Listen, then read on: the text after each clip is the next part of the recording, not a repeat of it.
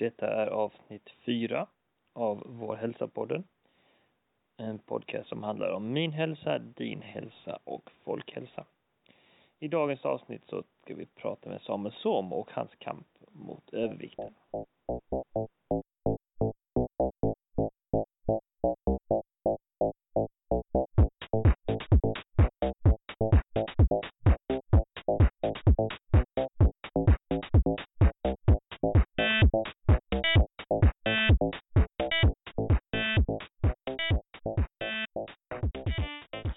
Kära lyssnare, Andreas här och välkommen till Vår hälsa.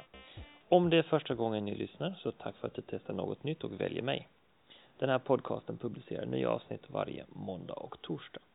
Lägg gärna till podcasten till dina favoriter eller till exempel via iTunes och Stitcher.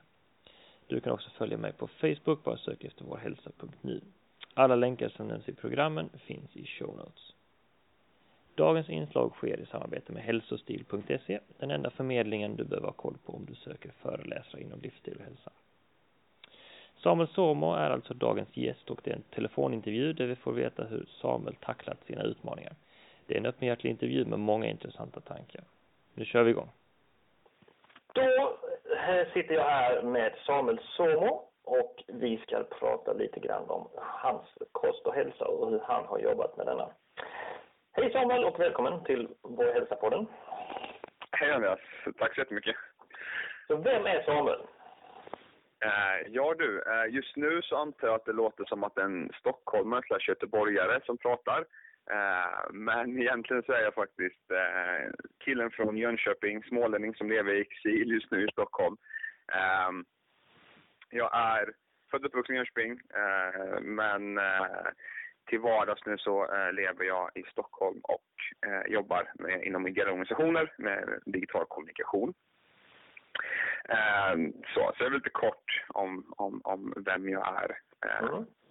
så. så när du säger att du jobbar lite olika organisationer med digital kommunikation, och så Jönköpings individ mm. i Stockholm.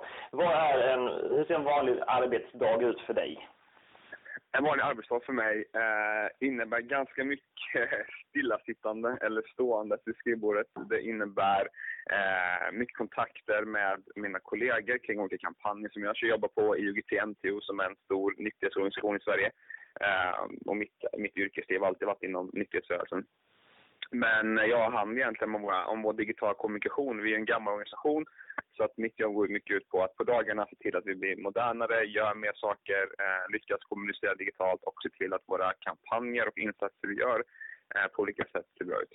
Eh, men man kan säga just nu exempelvis så, så är det en eh, kampanj som heter Ditt jul eh, som vi jobbar mycket med, hur vi kan nå ut med och jobba på. Då sitter olika processer med kampanjfilmer och eh, webbshop och hemsidor. Och, ja, man jobbar mycket strategiskt och tänker kring, kring de bitarna. Men det är för många mejl, eh, en del roliga möten, en del tråkiga möten och eh, ja, mycket kaffe. Det är det som ser min arbetsdag ut just nu. Ja, men kaffe är ju bra så sett beroende på vad man eh, nu, alltså så länge man väljer så rent kaffe som möjligt så att säga och inte går allt för mycket ja. loss på sockersöta Starbucks-varianten som jag provade häromdagen och skickade mig över bordet mer eller mindre. Ja. Okay. Så Samuel. Ja. Vad var det du satte dig för att göra för cirka två år sedan? Ja, alltså det var väl en av de, de största förändringarna jag gjorde i mitt liv och det var, eh, ja men två, tre år sedan, fyra, ja det måste, jag började nog kanske för tre år sedan och sen så fortsatte det ett tag. Eh, nej men så, jag, jag har länge, jag har nästan alltid varit överviktig, eh, eller varit stor. Eh, på ett annat sätt. Jag har också alltid älskat mat. Mm. Vem är inte det? Um, jag har också älskat att träna. Uh, mycket styrketräning. Så att mitt liv uh, tyckte jag var fantastiskt tills jag började inse ett och annat att det är nog inte så hälsosamt att väga runt nästan 120 kilo uh, i min ålder. Ehm, jag måste göra något åt det här. Det var ju inte första gången jag tänkte det så här, jag måste göra något åt det här. Utan det har ju varit återkommande under ens uppväxt. Eh, framförallt man blir lite mer medveten och så vidare. Eh, men jag valde faktiskt att eh, verkligen ta tag i mitt liv, eh, få in rutiner och börja min, min eh, viktresa neråt eh, och gå ner i vikt. Och vad var det som var skillnaden denna gången? Ser du nu liksom i efterhand jämfört med de andra gångerna du har tänkt tanken? Vad var det som så att säga skickade dig från soffan till handling, om man säger så? Ja, alltså jag tror delvis, jag gjorde ju eh, en, en vända militärtjänst eh, för många år sedan.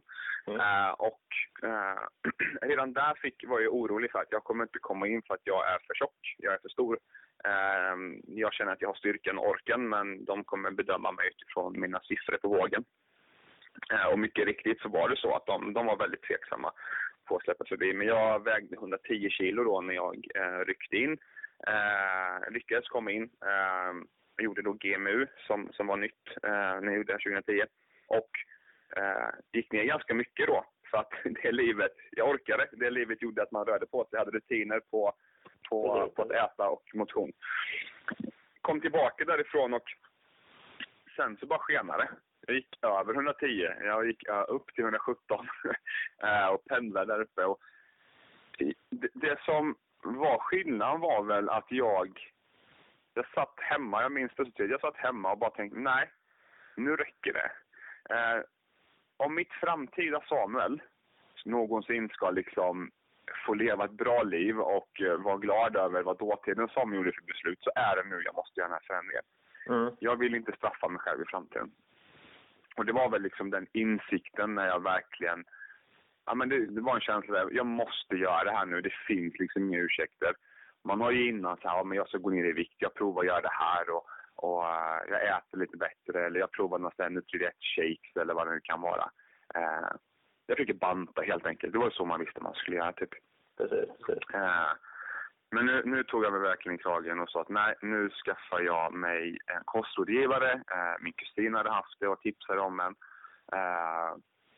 jag måste ha någon som piskar mig till det här. Någon ja. som jag får skämmas för om jag inte lyckas. Liksom. Så det var väl den stora. Det var insikten om att det är nu eller aldrig. Liksom. Eh, och det har väl gått ganska bra, tänker jag. Ja, det var, alltså, det var, det var fantastiskt. Det var... Eh, jag var så målmedveten då. Alltså, in, jag, jag tänker tillbaka nu. Så här, jag såg den tydliga bilden framför mig. Alltså, så här, det här funkar inte. Och jag såg också vad som skulle hända vet, om 30 år. När jag, om jag är 50 och inte skulle orka springa eller kunna röra på mig. Jag blir den som behöver gå till vården för att jag har ont i mina leder för att jag har varit överviktig hela mitt liv. Ja. Eh, jag kunde inte tillåta det och då, då kände jag bara att nej, nu, nu måste jag eh, göra det här. Och, och alltså, lägga till kan man också att jag har ju aldrig haft några problem med, med självförtroendet. Det var också så en lurig grej att man har varit stor och tjock men man hade aldrig problem med liksom att ja, men, ha partners eller en sexliv, alltså sådana saker. Jag var väldigt, hade starkt självförtroende och självkänsla och det gjorde ju också att jag inte såg problemet med att vara så stor som jag var. Eh, så det var ju liksom inte något sånt som påverkade. Det var mer så insikten om att nej, när jag är 50 så kanske inte jag kommer orka göra allt jag vill göra i framtiden. Uh, och jag måste påverka det nu. Uh, annars kan det bli liksom för sent för mig.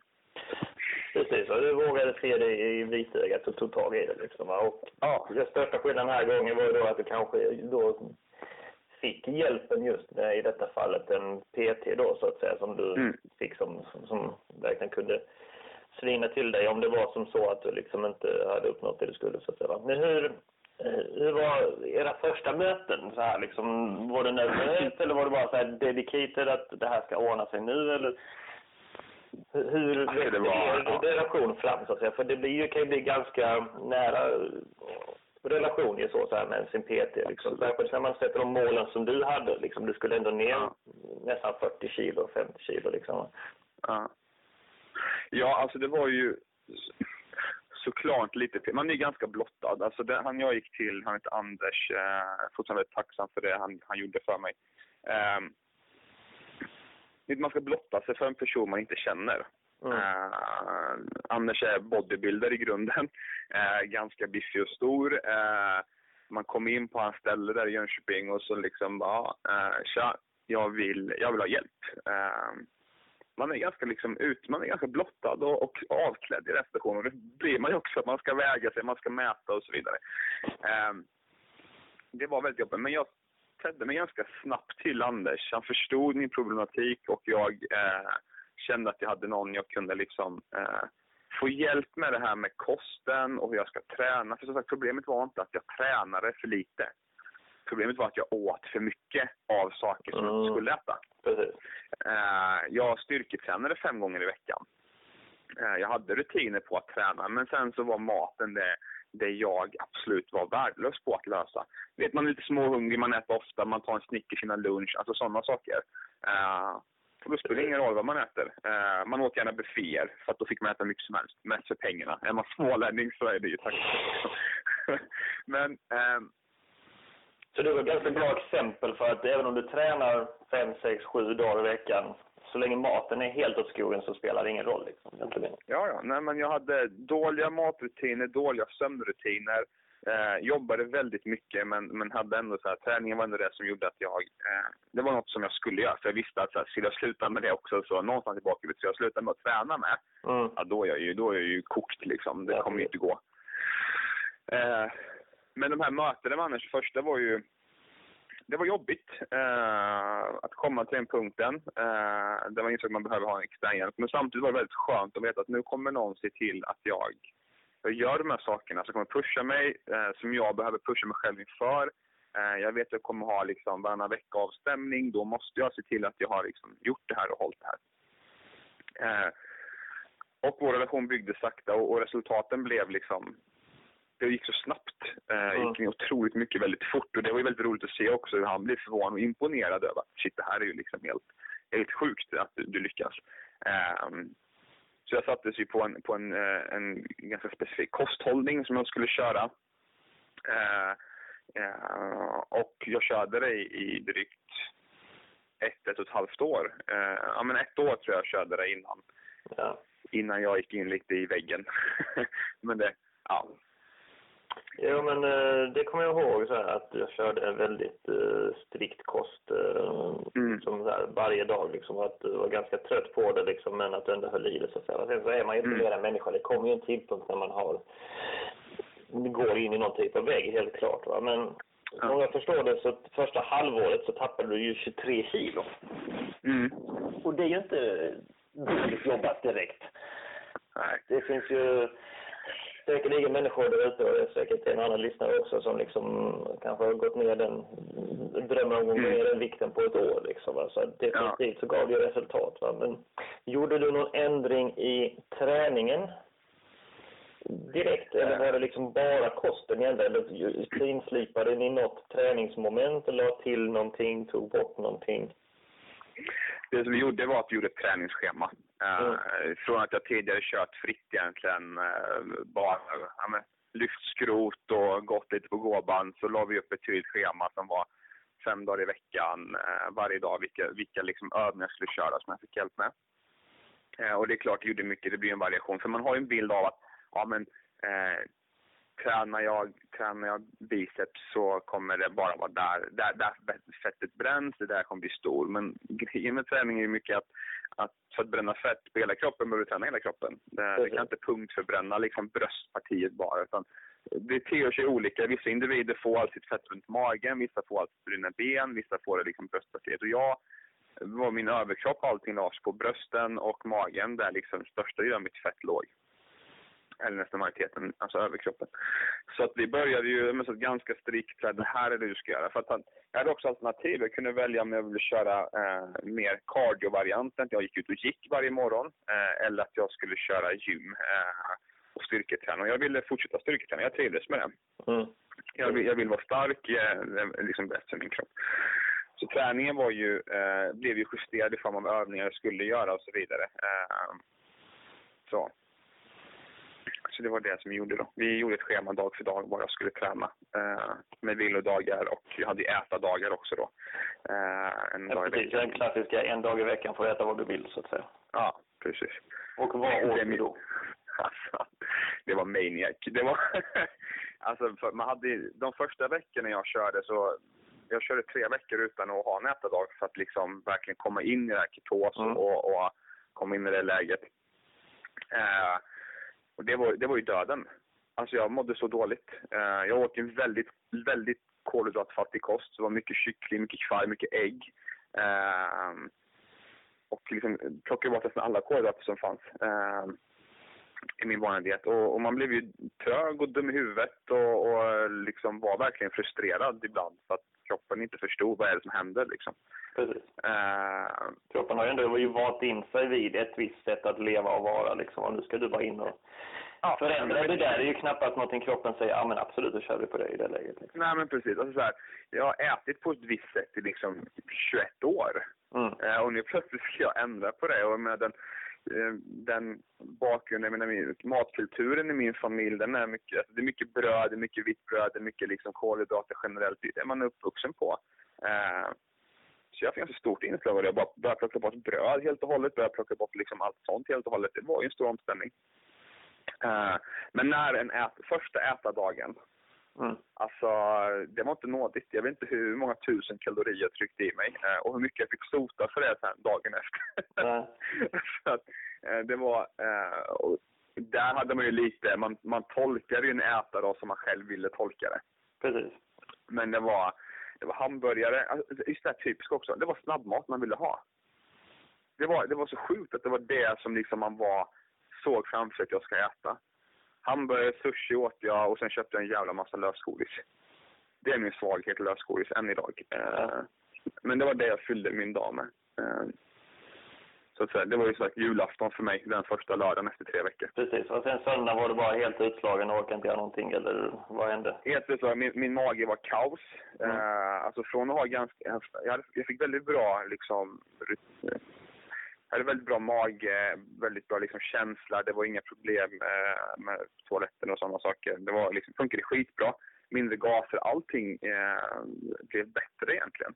När jag slutade äta kolhydrater och den typen av kost. Eh, men sen söndagen var ju kaos. Kroppen ska anpassa sig. Kroppen bara, vad har du gjort med mig? Vad, så här, jag har längtat efter dig, kära snabbmat, men jag har också liksom, märker nu att jag hatar dig. Eh, ja, absolut. Så söndagen mådde jag skitdåligt och då insåg jag att ja, men jag kan jag måste, jag kan inte bara flippa. Uh, jag var väldigt målmedveten så att jag har liksom kommande söndagar, visst, eller kommande lördagar så var jag absolut så här, ja nej men jag ska äta vad jag vill för att jag måste ha det annars kommer inte jag funka. Hjärnan behöver det. Eh, men samtidigt blev det liksom ingen över, överdos av något, något som inte var bra. Ja, men det blir ju så att man, man lurar ju kroppen att anpassa sig lite grann. För att när du väl mm. har en ätardag och mår dåligt av det så blir mm. förhoppningsvis huvudmotivatorn att jag vill inte må så här igen. Mm. Och ergo, varje ätardag så äter du mindre och mindre så att säga. Ja, precis. Så att jag körde något liknande. Eh, en specifik dag i veckan så hade jag liksom en ätardag och den spenderades ibland med en, en kompis. Vi körde Playstation hela dagen och jag har ju sett hur våra eh, Alltså det här, som det var min ätardag, det var ju, för honom var det vilken vanlig lördag som helst. Men jag har ju sett ja. hur vårt eh, det godis vi åt då jämfört med vad vi kanske skulle stoppa i oss idag. Det är ju en gigantisk skillnad liksom. Va? Ja. Och det är just det att folk tror liksom ändå att ja men jag vill inte ha en ätardag för att då sabbar jag hela min, mitt flow liksom. Att det Precis. finns mer potential i en ätardag än vad man kan tro. Det är ja. inte jättelogiskt kanske, men ändå oerhört logiskt på något sätt när man mm. väl tittar på beståndsdelarna. Så att säga. Precis. Och, och problemet är alltså så här, det, det jag märkte, det som har gett mig mest, och förutom att jag gick ner jag gick ner drygt 30 kilo under mm. hela den här perioden. Uh, sen så kom det en, en stolpe där jag inte lyckades. Jag fastnade på 90 kilo och kom under 90 kilo. Det var någon mental spärr plus att det liksom hände inte mer med kroppen. Den, den orkade inte mer. Det platån liksom. Alltså, alla kommer till någon typ av platå någon gång liksom. Och då ja, måste man precis. ändra i grejer liksom. För att då tar inte kroppen upp din träning och dina förändringar riktigt längre va? Nej, och, det, och framförallt kommer det ta mycket längre tid. Alltså så här, jag menar, mitt mål var 80 kilo. Alltså jag ville stå på scen. Jag var så här, från att eh, när jag satt på kontoret typ någon, på söndagen någon sista gång så, så såg jag en, sån här, en, en eh, kalender där det var så här massa bodybuilders och fitnesspersoner. Och så att någon dag, då sa han till mig så här, Samuel, eh, skulle du vilja se ut så där? Eh, och det var en, sån här, men du vet, en ganska vanlig tonad kropp. Liksom. Skulle du vilja gå från att se ut som du gjorde på den här bilden, eh, det var ett reportage i tidningen, till att se ut sådär. Och jag bara, ja men någon gång i mitt liv skulle jag vilja göra det. Eh, jag ville stå på scen eh, och liksom, på någon fitnessgrej eller någonting, bara för att se. Så möjligare har det gjort liksom. Mm. Eh, men jag, och då skulle jag sträva mot 80 var. Och det här var i samma skede som jag flyttade till Stockholm. Eh, det var bara någon månad innan vi bestämde, eller någon vecka innan vi bestämde så började jag flytta till Stockholm och sen så föll jättemycket rutiner. Vi kan prata om det sen, men eh, det jag har fått med mig mest av det här, det är medvetenheten om vad jag äter. Alltså innan var jag inte medveten om vad jag stoppade i men Jag tänkte inte på det. Jag tänkte inte på att så här, de här valen behöver jag göra för att jag ska må bra. Eh, man käkade något onödigt högt, med, högt kaloriintag precis innan lunch exempelvis, om man var hungrig. Man, man hoppar över frukosten. Man, alltså de här sakerna. Eh, och det är så glad, det som du säger där liksom, med att man blir, man, på lördagarna så åt man när man hade ätit. Man tänkte mer, ja nej men jag kan ju såklart äta vad jag vill men jag kan fortfarande tänka efter. Är det här nödvändigt att äta nu? Så här, kommer det liksom gynna mig? Eller kommer jag må bra av att äta här? Eh, kan jag äta halva mängden lösgodis? Mm. Jag är nöjd med det liksom. Precis, kan jag vara nöjd med det? Eh, och så här, nu är jag medveten om att jag äter pommes eller friterat eller väldigt mycket saker, då inser jag också att jag kommer behöva träna. Jag kommer behöva röra på mig. Jag kanske ska ta och gå en extra runda idag för att jag åt det här. För att vårt största problem idag är att vi sitter för still, vi, gör, vi rör inte, den här vardagsmotionen har ju minskat ganska lavinartat. Jag som jobbar inom liksom ett tjänstemannayrke har ju inte så aktiv vardag om inte jag själv tillsätter den här momenten. Precis, precis. Um, mycket medvetet spring fram och tillbaka liksom. Ja, men precis. Med, um, hit och dit. Så att, att jag blir medveten om vad jag åt stoppa i mig har varit den största liksom, insikten och det jag har tagit med mig mest därifrån. Men det är ju mm. det liksom att man ändå når en, en punkt att nu får det vara nog liksom och då tar man tag i saker och ting. Va? Och det är ja. som du säger, det finns ju faktiskt 16-åringar idag som har liksom en hälsa som en 60-åring eh, ja. hade för liksom, att man liksom inte alls hinner med liksom för att mm. det lite grann har vattnats ur i samhället. Just det här liksom förhållandet, framförallt kosten. Mm. För nu har vi haft med privatskolor så har det ju varit situationer där privatskolor har liksom använt sig av McDonalds till som skolluncher till exempel och annat liksom va. Ja. Och att man verkligen har tappat den här biten i det hela så att säga. Ja men tallriksmodellen liksom, den, den hade ju sitt syfte eh, av en anledning. Så. Ja, och nu har den ersatts av 50 eller andra varianter som alla tycker är bäst och så har ja. liksom istället för att man har ett Alltså, det är alltid bra med olika typer av infallsvinklar men mm. det behövs lite grann städas upp bland alla fejkdieter och liksom hitta tillbaka till det som faktiskt har fungerat fram till ja, 40-50-talet liksom, innan det började komma massa mystiska mm. trendiga dieter så att säga. Men du sa att när du flyttade till Stockholm så gick rutiner till skogen. Är du tillbaka där nu så att du har någon typ av rutiner på detta? Liksom? Har du hittat tillbaka till den? Eh... Det var, um... Nej, jag har nog inte det. Alltså, det har varit tur. Alltså, när jag flyttade tillbaka till Stockholm så höll jag min, min diet någorlunda i kanske ett halvår åtta månader till liksom, innan det, det föll. Eh, och det som hände var väl att jag började känna, jag var en fantastisk sak som hände som jag säger, jag började gå på ett så pass på ganska högintensiva pass på gymmet. Jag hade aldrig, jag hade tänkt att jag vill gå på pass, det är ganska töntigt. Det är mm. den typiska machoman-grejen, nej jag ska inte gå på pass liksom, det är bara fjantigt. Men jag var på ett pass som verkligen bara jag kunde känna efteråt så här, jag blev så jävla stark. Um, och körde det här ganska länge. Uh, men och han som var instruktör då, um, hade han också PT, hade jag snack med honom en gång och liksom frågade men vad äter du som? Hur ser din vardag ut? Hur, hur är det liksom? Och, jag, och där blev det en vän. Jag insåg att jag var ju en robot. Mm. Jag åt det jag skulle äta för att jag var tvungen att äta det. Eh, det gjorde inget resultat för jag kunde inte upprätthålla andra rutiner som sömn ordentligt och träning ordentligt och så vidare. Jag åt det jag skulle och när jag inte åt det jag skulle, då, fick, då gav jag mig själv dåligt samvete. Ja. När jag tränade och inte orkade göra alla set och repetitioner, då gav jag mig också dåligt samvete. Och det var resultatet av att jag inte åt som jag skulle äta. Och allt det här blev en ond cirkel. Så vi satt där så bara, då, då fick jag en annan insikt. Så här, bara, fan, jag, jag har en robotvardag. Mm. Jag njuter inte av mat längre Det är liksom ingenting som gör att jag känner wow, nu ska jag ut och äta middag. Det var liksom inte roligt. Det var bränsle? Uh, ja, det var bränsle.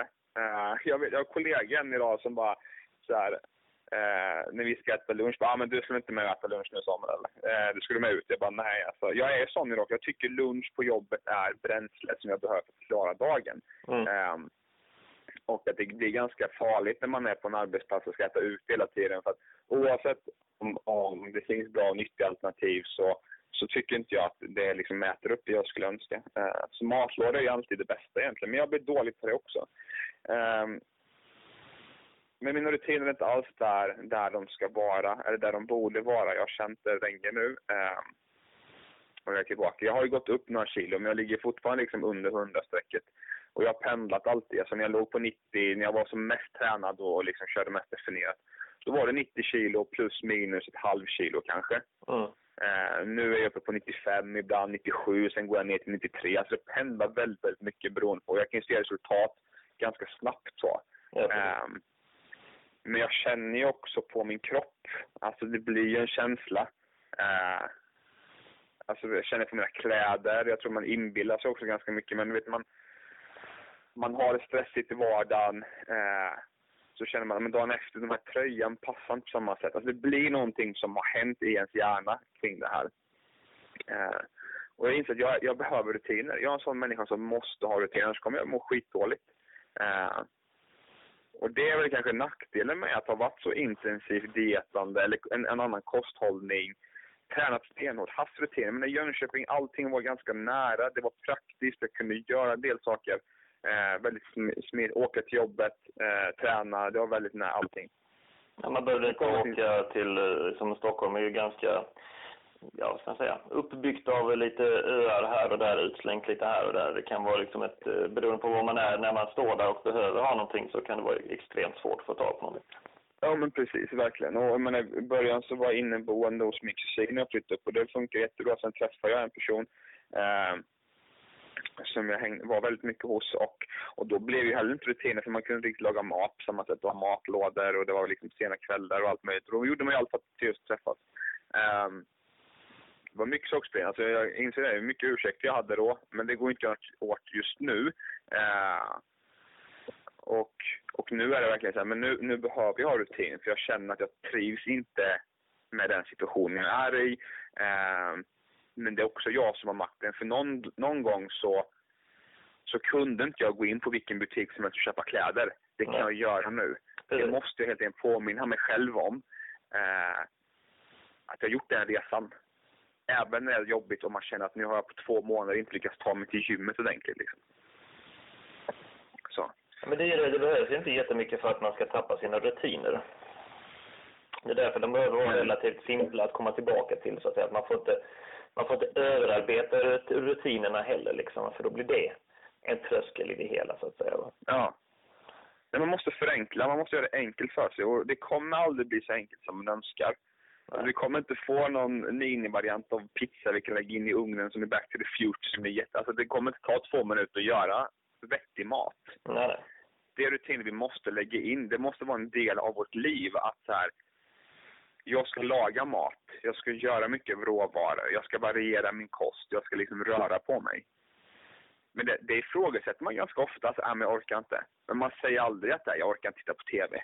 Jag orkar inte sitta och slå på telefonen. Alltså, det är alltid kompromissa med sig själv liksom. Ja men precis. Och, och eh, när det kommer till saker som känns som en väldigt lågtröskelsak, som att titta på TV eller på en film eller serie eller vad som helst, så ifrågasätter vi aldrig det. Men ställer vi det mot att gå till gymmet, ja det är klart vi ifrågasätter. För det känns som en sån hög tröskel och det är så här, när vi kommer förstå den psykologin, varför det är så, eller när jag kommer fatta det, då, då tror jag vi kommer vinna mycket. Uh, men det som du säger, man behöver ha väldigt enkla rutiner som är individuellt anpassade. Och det var väl det som gjorde att jag lyckades ganska bra också när jag gick till Anders. Uh, och hade liksom tydligt någon som la upp de här rutinerna tror jag på att du kan hantera och göra och lösa. Och sen så att man, man, man mätte hela tiden. Hur gick det? Kontinuerligt. För att jag själv såg ingen förändring i spegeln. Alltså så här, det, var, ja. det var dåligt att ha en spegel i det läget. Men det jag såg förändring var när jag kom dit och blev, alltså man mätte liksom midjemått, man mätte vikten och också, jag tog bild varje vecka. Ja. Uh, på hur jag såg ut och det var, liksom, det var ju för jävligt att titta tillbaka. Nu är det för jävligt att titta tillbaka de här liksom, i början. Och sen såg man också resan och man såg oj nu, nu har jag lyckats få definierade, börjat definiera sig runt magen och shit vilken resa jag gjort. Där såg jag skillnad. Men i vardagen såg jag aldrig skillnad på spegeln.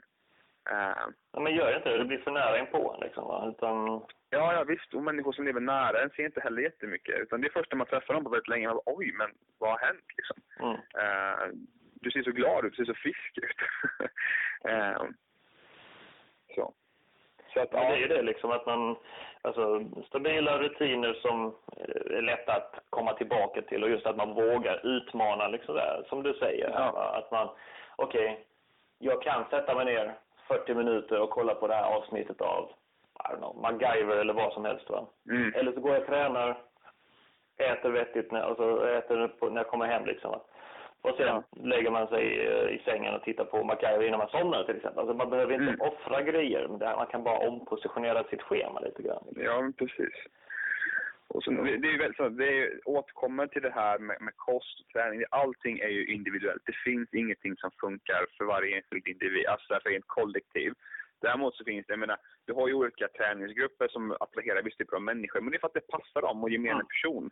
Men sen så när vi kommer till kost, för vissa funkar inte, men för mig var det jätteenkelt att äta kyckling varje dag. Jag tycker det var skitskönt. Jag mm. vet, jag ska äta det här. Jag köper på 10 kilo, jag gör det, sen har det klart. Eh, för mig funkar det väldigt bra. Men nu, nu när jag bara tänker att jag ska variera kost och jag ska ha det här och det här, då, då bara sätter min hjärna liksom stopp och bara, nej men Samuel, då blir det tröskel. Precis, um, man ser inte kanske såklart vilka grejer man kan kombinera och så istället så backar man ur liksom och tar andra, fattar andra, andra beslut som kanske ja. gynnar en i det långa. Liksom. Och jag menar, det som hände mycket också, alltså, och det också måste en risk när man äter den typen av kost jag gjorde, det var ju så att jag uppskattade inte mat längre. Nej. Det tog mig så fram till förra året. Uh, I slutet på 2014 började jag uppskatta att här, kunna äta vanlig, vanlig säger jag nu inom citationstecken, vanligt käk utan att få dåligt samvete på något sätt. Mm. Det, liksom, det satte de spåren och där måste man hitta en balans. Jag är väldigt extrem och det, sån är jag ibland att om jag går in för någonting, då slår jag pannan i väggen och bara kör. Uh, och det gav enastående resultat. Uh, men efterprocessen har jag aldrig räknat med skulle bli att jag mådde liksom så pass dåligt liksom mentalt så fort jag var ute och åt någonting och tänkte att shit nu det här var många. Jag började räkna kalorier liksom mm. i huvudet omedvetet. um, för mycket. Man ska, jag tycker man ska ha koll på hur mycket man tar in. För i slutändan är det så här, din, får du i ditt överskott av kalorier du rör för lite, då kommer det hända saker som inte du kommer gilla på lång sikt. Uh, och är det tvärtom så, så Får det för lite så kommer också en dåliga saker. Man måste ha en balans liksom. Ligga plus minus noll eller helst på lite minus. Mm. Eh, men ändå kunna njuta. Eh, jag njöt inte av mat. Eh, alltså dina verktyg som hade hjälpt dig så länge, de blev helt plötsligt ett hinder. Ja, de blev ett hinder. Det skulle bli ett hinder lite grann, ett tröskel. Ja. Ja, men precis. Jag hittade all, jag kom aldrig till den punkten. Alltså, det gick så bra så pass länge. Det tog över så pass mycket av mitt liv. Eh, för det funkar väldigt bra. Men sen då när jag skulle trappa ner det, när jag slutade med det här så var inte effekten bara ah, grymt jobbat nu Samuel, du tänker på vad vi äter varje dag. Utan nu blev det istället shit, du lyckas inte äta det här Samuel, hur, hur dålig är du? Mm. Um, det är klart, det påverkar ju liksom ens, ens självkänsla. Jag menar, jag hade nog sämre självkänsla den perioden än jag haft när jag var liksom som störst. Uh. Ja, men det blir ju, alltså du hade ju också skurit bort många av de här grejerna som eh, triggar belöningssystemet liksom va. Ja. Och då blir man ju hårdare mot sig själv per automatik så att säga va. Mm. Och om du känner ett behov av att trösta dig själv så att säga, men du inte får belöningssystemet triggat på något sätt liksom att ja men det här gjorde du bra liksom va. Ja. Det, det är där just en medveten eh, kost, ett medvetet kosttänk kommer in i bilden. För att du får mm. liksom, man kan ju trigga det på en naturlig, förnuftigt sätt. Det är bara att kunskapen för att göra det liksom finns inte där. Va? Nej. Och att man liksom måste, man måste våga se bort ifrån de här processade alternativen. Att man faktiskt kan få samma belöning genom, för vissa kan det räcka med en näve mandlar. Ja. För andra kan det vara liksom man behöver kanske trycka i sig en, lite, en smoothie med bär liksom, eller någonting sånt mm. där. Men allting är ju bättre än en Snickers eller McDonalds eller what have you liksom. Ja, men precis. Och det där är ju... Eh, men det är man, man, man tror att, att snabbmat eller något annat är en genväg liksom, eller är man tar de enklaste vägarna och då är det det. Det finns en anledning till att den typen av mat finns. Det för att man vill ha snabbt i farten. Och så här, ja, du kan gå och äta en burgare då och då. Ja, när det blir för mycket, alltså när man, när man, när man inte ifrågasätter det valet och ställer det mot ett annat, så här, okay, eller kan käka typ fem bananer och må ganska bra utav det. Mm. Eh, när man gör, för man tycker det är enklare att gå och köpa en burgare på ett snabbhak än att gå och köpa lite frukt. Liksom. Alltså, men medvetenheten återigen kring det här med kost, att vara medveten om de val man gör och sen kanske inte ge ett stort samvete om man väljer hamburgare, men bara så här, ja, men jag tog ett medvetet val. Precis. Uh, och helt enkelt ställa det, liksom, försöka ha det i tanken hela tiden. Uh, ja, men det är ju det, liksom, att man måste sätta upp alternativen och verkligen hitta sitt sätt att, att göra det på. Jag kan gå overboard, verkligen vad gäller att allting ska vara ekologiskt. Ja. Vilket kan göra att jag ibland hamnar i en situation att shit, jag har ingen aning om vad jag ska göra för mat. För jag hittar inte den här ekologiska komponenten ungefär. Liksom. Nej, precis. Och det gäller ju, så, så länge man är medveten om det så kan man ju hitta en väg runt det så att säga. Va? Ja.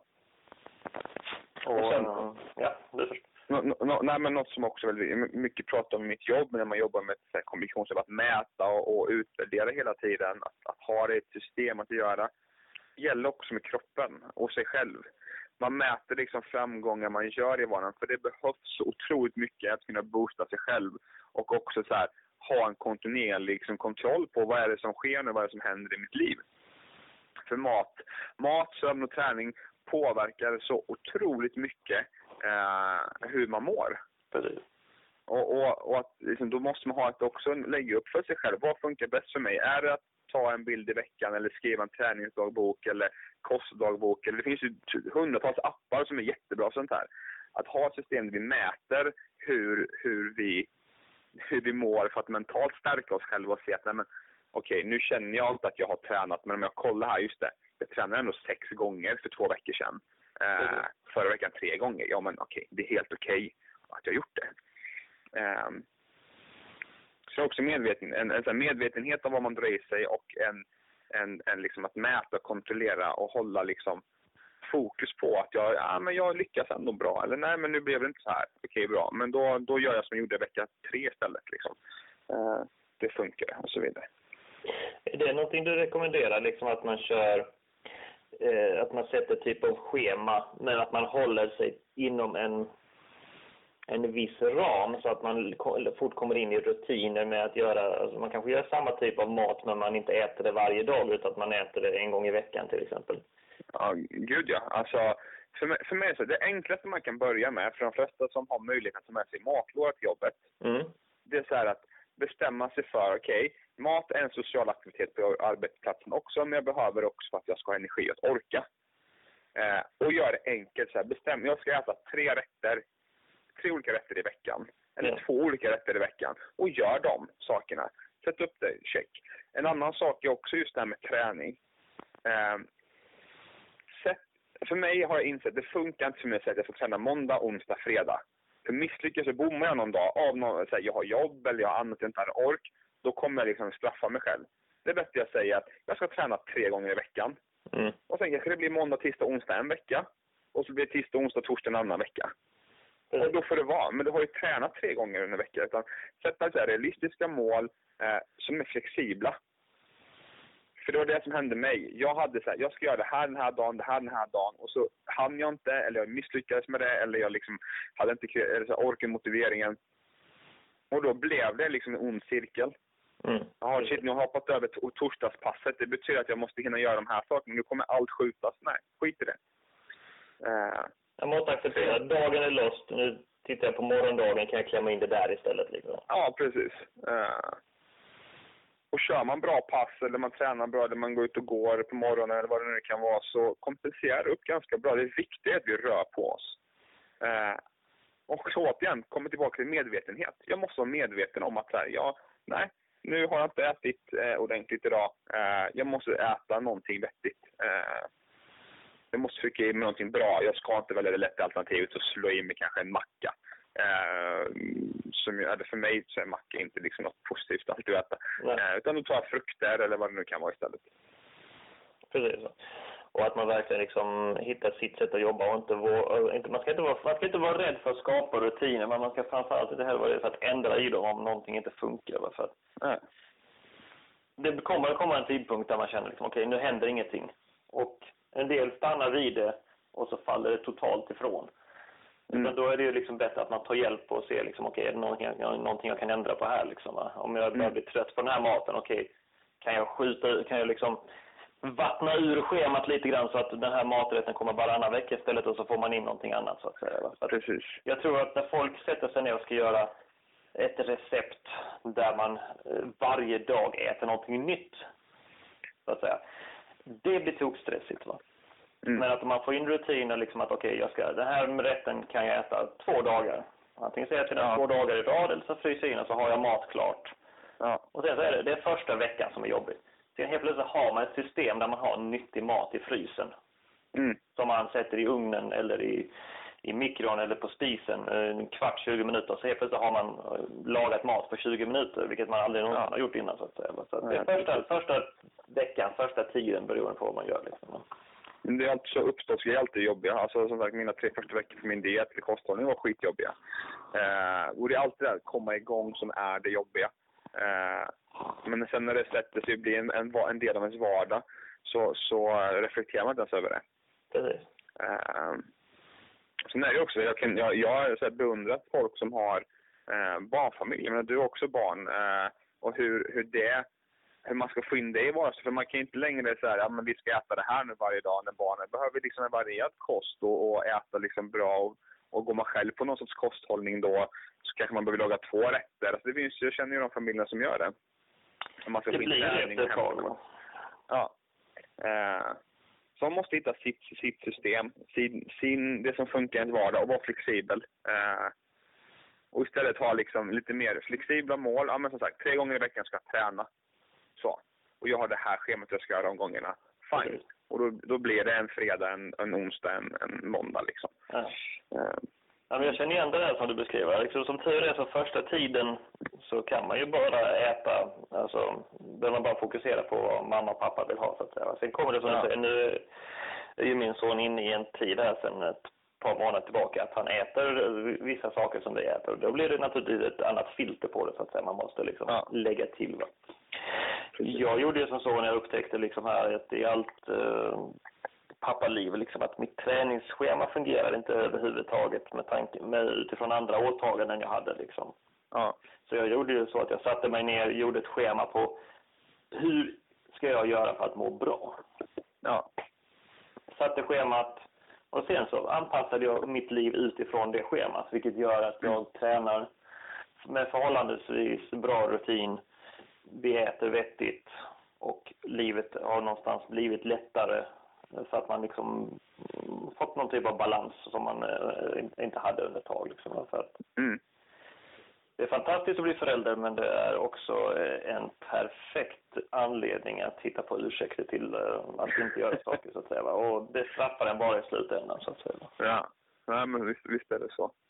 Samuel, vad är det för, så här, om man tänker sig uh, idé, tips och idéer som du vill sammanfatta, börja avrunda lite grann med här liksom? Mm. Att det här måste folk tänka på eller det här vill du ha ut liksom? Mm. Alltså jag, jag tänker mycket, förutom att vi pratar om att man ska Alltså medvetenhet. Det är det jag kommer trycka på i alla de Var medveten om vad du äter, vad du stoppar i dig, hur du rör dig. Eh, det gör också att du blir medveten om de framgångar du lyckas med. Eh, för det är, vi är så duktiga på att säga allt vi gör fel och så lite att vi gör rätt. Eh, för att vi liksom ser inte våra framgångar. Så medvetenhet. Eh, sen så, det, den största saken som gjorde den här skillnaden var att jag valde att lägga lite min, min resa i någon annans händer. Att jag valde att gå till någon som var liksom duktig på det här, som jag trodde på, som hjälpte mig. Att man inte ska vara rädd för det och investera. Och här är en viktig sak jag har tagit med mig. Jag spelade squash för många, många år sedan med en, med en vän till mig som frågade så här, men hur, hur mycket skulle du säga som är det värt att lägga ekonomiskt på att du ska må riktigt bra, ha en bra fysik och hälsa? Och jag bara, äh, men typ kanske 10 000 sa jag. Mm. Där. Han bara, va? 10 000? Jag har lagt miljoner. För det finns inget annat som kommer liksom hålla mig vid liv lika bra som ha en bra hälsa. Precis. Och det är det där. Visst, det är kostsamt. Det kostar att lägga på en PT. Man kanske inte har de förutsättningarna. Och då ska man liksom, såklart det finns det många digitala alternativ, det finns mycket på nätet, man kan ta en vän som kanske kan det här. Men att låta en annan hjälpa en, det är också en otroligt bra framgångsfaktor i det här arbetet. Så det kan kanske räcka med att man frågar sin partner och liksom, okej, okay, jag har, min svårighet är matlagningen. Kan du ja. hjälpa mig att komma igång med det? Och så kanske mm. man kan göra en uppdelning där så att man i början bara behöver fokusera på att få träningen att funka och så får man hjälp med mat. Alltså man behöver inte alltid ja. gå utanför hemmet kanske. Nej, utan man kan, man kan välja. Jag har haft jättemycket stöd nu från, från min partner eh, som liksom fick mig att lära mig att så här, jag behöver inte må dåligt. Jag kunde börja äta bra utan dåligt samvete liksom, mm. först med henne. Eh, och det tog ett tag innan jag insåg att jo, men det var liksom den inställningen och stöttningen jag fick där. Eh, men det är det. Alltså medvetenheten, ta hjälp. Eh, oavsett om du vill ha appar som hjälper eller något annat, ta det. Eh, och investera i dig själv. Det är den bästa liksom, saken du kan göra. Eh, både om du räknar ekonomiskt, du räknar tidsmässigt. I framtiden, om du får tillbaka liksom, avkastningen så kommer det vara så otroligt värda pengar mm. eh, och tid. Eh, och det tredje är att mäta. Mäta och testa saker. Alltså så här, mät dina framgångar. Det är skitjobbigt kanske att ta en bild framför spegeln när man står naken, men gör det. För att när du kan titta tillbaka på det sen så kommer du påminnas om vilken fantastisk resa du har gjort. Och det gör jag när jag behöver peppa mig själv. När jag känner så här, oj, nej men då går jag tillbaka och tittar till första gången jag ställde mig för en spegel och tog en bild på mig och bara, nej men dit ska inte jag igen. Nej. Uh, och en annan sak, och det låter klyschigt, men du gör det här för dig själv. Det är så här, strunta i de här skönhetsidealen som speglar sig i media eller vad andra säger om dig. Du gör det för dig själv, för att du ska slippa så här, gå till sjukvården för att du har haft problem med leder för att du varit överviktig eller du inte kan springa eh, om du får barn om du vill ha det eller om du har djur eller vad det nu kan vara. Det är för dig själv. Mm. Eh, och har man en partner som, som tycker om en ändå så spelar det ingen roll om du går upp 20 eller 30. Eh, och tycker partnern att det är jobbigt att det är fel, då är ju felet där och inte hos dig. Eh, det är en investering i sig själv och det är liksom, vi pratar hela tiden om att vi ska investera i olika saker och man ska satsa på det här och köpa gymkort. Men om du inte är beredd att lägga miljoner på din egna hälsa eh, så kommer jag säga att du inte är beredd att, att, ta de steg som behövs för att liksom ditt framtida jag ska säga tack för att du gav mig bra förutsättningar. Liksom. Det låter fantastiskt bra och det är ju rätt i allt det du säger liksom att man måste nå en punkt där man känner okej okay, nu är det köra liksom och ja det finns utmaningar lite varstans i vardagen som man behöver göras uppmärksam på. Men det finns hjälp att få där ute. Liksom. Mm. Samuel, jag vill tacka dig för att du tog dig tid. Fantastiskt Tack inspirerande. Eh, du, eh, det var jätteroligt. Du har vad heter det, hittat ditt sätt att jobba, även om det kanske är lite skakigt under tiden just nu, så har du ändå liksom ja. någonting att falla tillbaka på. Och det är lite grann det det handlar liksom om, att man ska våga räcka ut en hand och be om hjälp. Mm. För de som lyssnar så i show notesen kommer det att finnas tips på lite olika appar som man kan ta hjälp av. Det kommer finnas eh, ett utdrag och lite bilder på Samuel så här, från artikel och han, lite bilder från hans resa.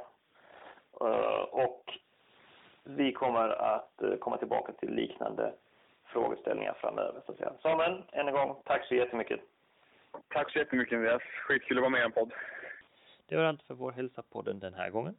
Vi hoppas ni tyckte om dagens avsnitt och att vi hörs igen. Ha nu en riktigt bra dag och glöm inte, bättre hälsa börjar med ett beslut. Ditt.